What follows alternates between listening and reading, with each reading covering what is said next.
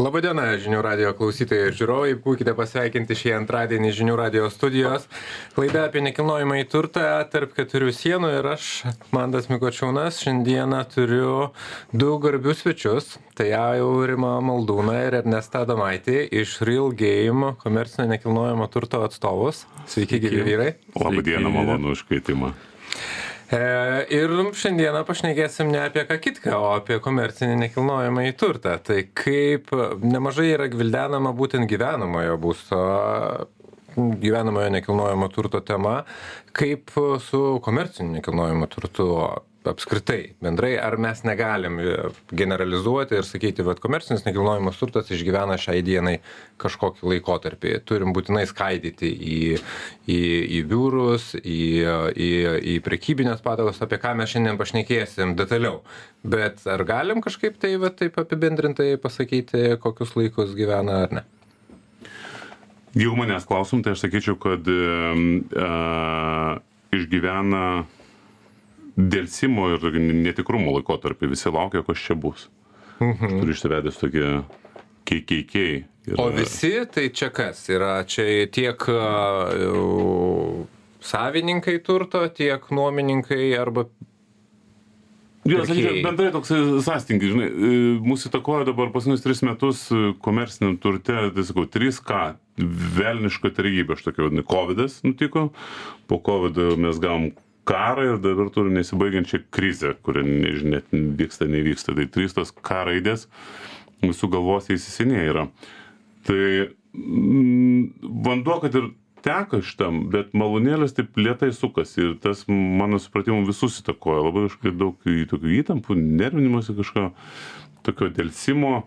Ir tas atsiliepia, jeigu aš kalbėsiu vien tik apie Vilniaus ofisus, tai mes paskutinius penkis metus pastatėm po šimtą tūkstančių kvadratų per metus ir išnuomom po šimtą tūkstančių kvadratų per metus.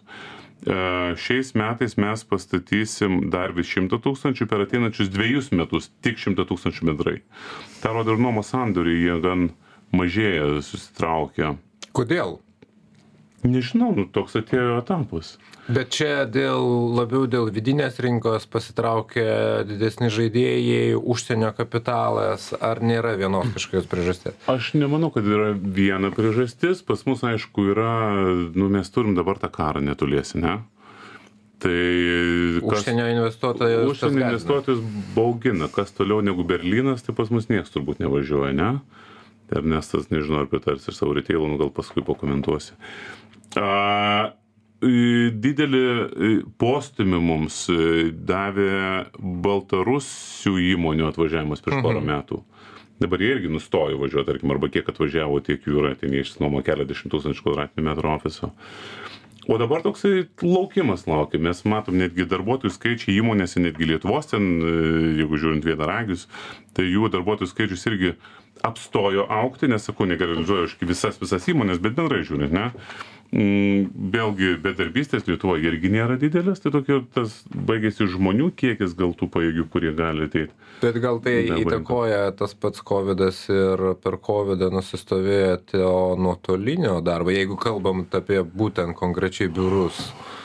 Nuotolinio darbo leisiu, aš vėl ar nes turbūt visą užimą, bet e, e, nuotolinio darbo leisiu savo pajakauti. Mm Amazonas padarė labai teisingą sprendimą, sakė, čia juokas, aišku, bet penkias dienas iš ofiso, dvi dienas iš namų dirbi. Tai, tai aš matau, kad Lietuvoje mes irgi panašiai grįžtam link to ofisinio darbo. Tai nu, pas, pas daugumą klientų, kai kalbam, kas buvo apsimažino ofisus, tai atsistatė arba ten turi tą kažkokį dar turi dalį darbo iš namų, bet vis tiek visi jaučia, kad darbas turi būti ofise iš ofiso. Bet e, kalbų lygyje, bet e, praktikoje, ką aš girdžiu, tai dažniausiai nu, biurai yra kur kas tuštesni negu prieš COVID. -ą.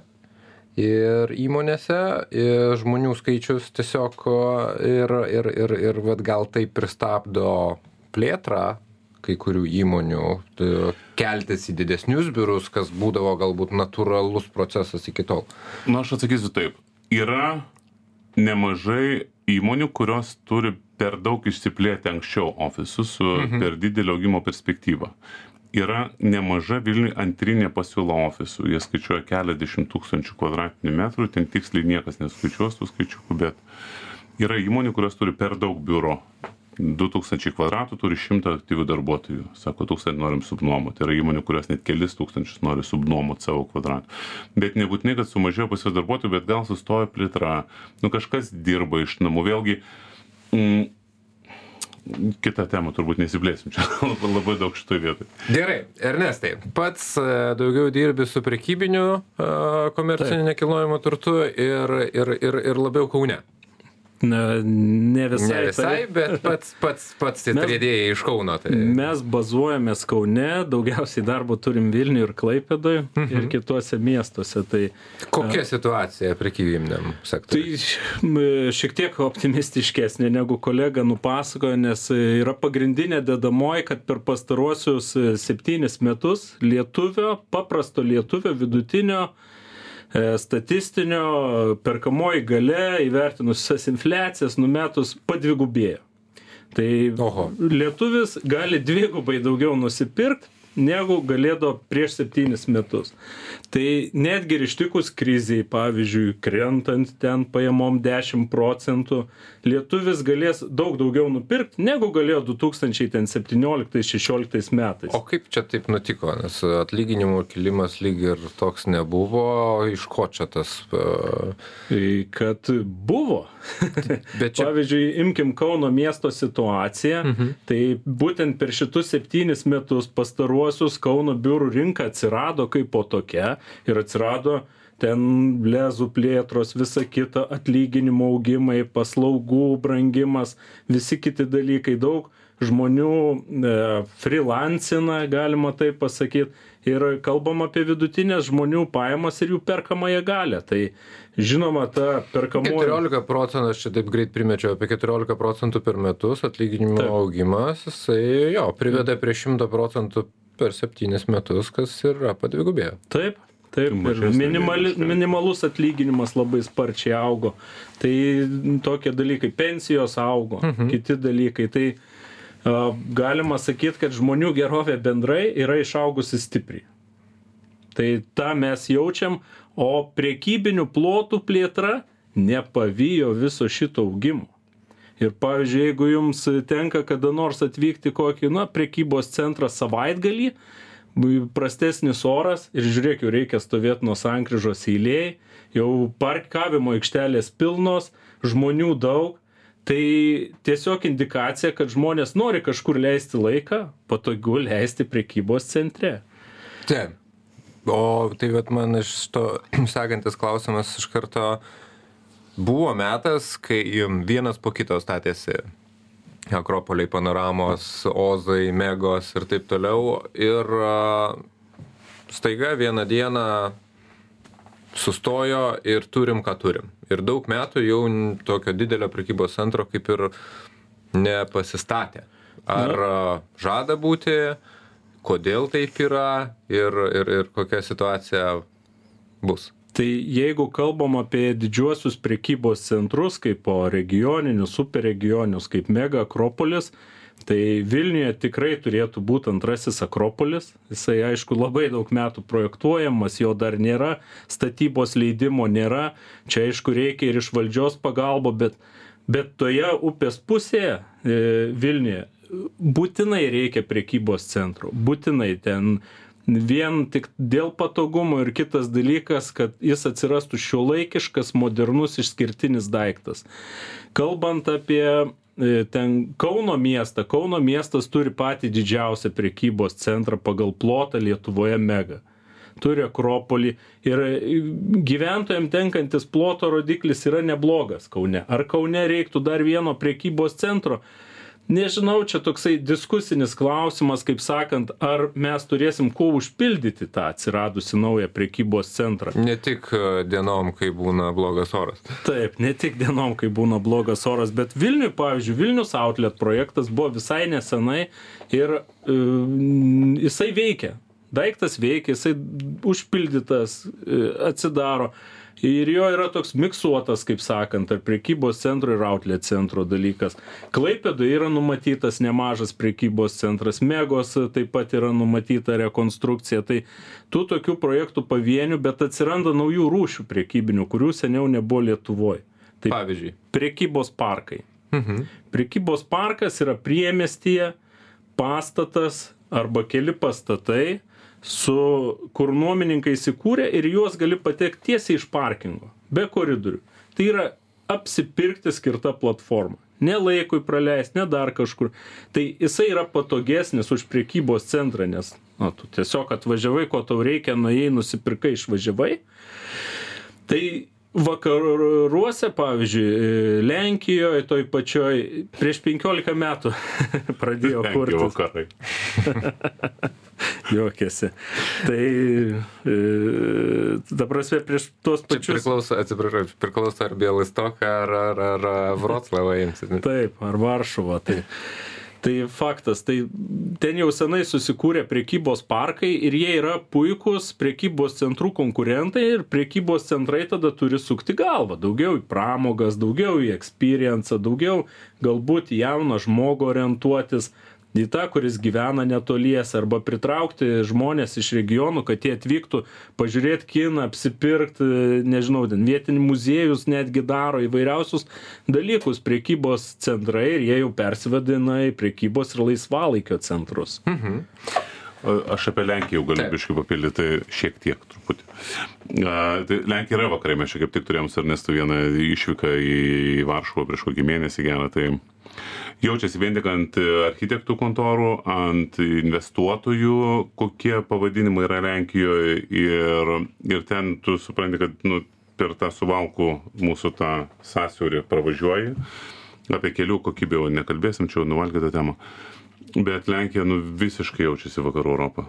Varšuvos centras ir mm, kardinaliai skiriasi. Tai netgi jeigu žiūrėtum patį jau Lenkijos žemėlapį, ne kur ir ten Varšuvos, ten Trisity, Krokuva, dar kažkas, tai Vilnius būtų nu, Lenkijos provincija tokia mažytė, ten mažesnė rinka negu Krokuvos.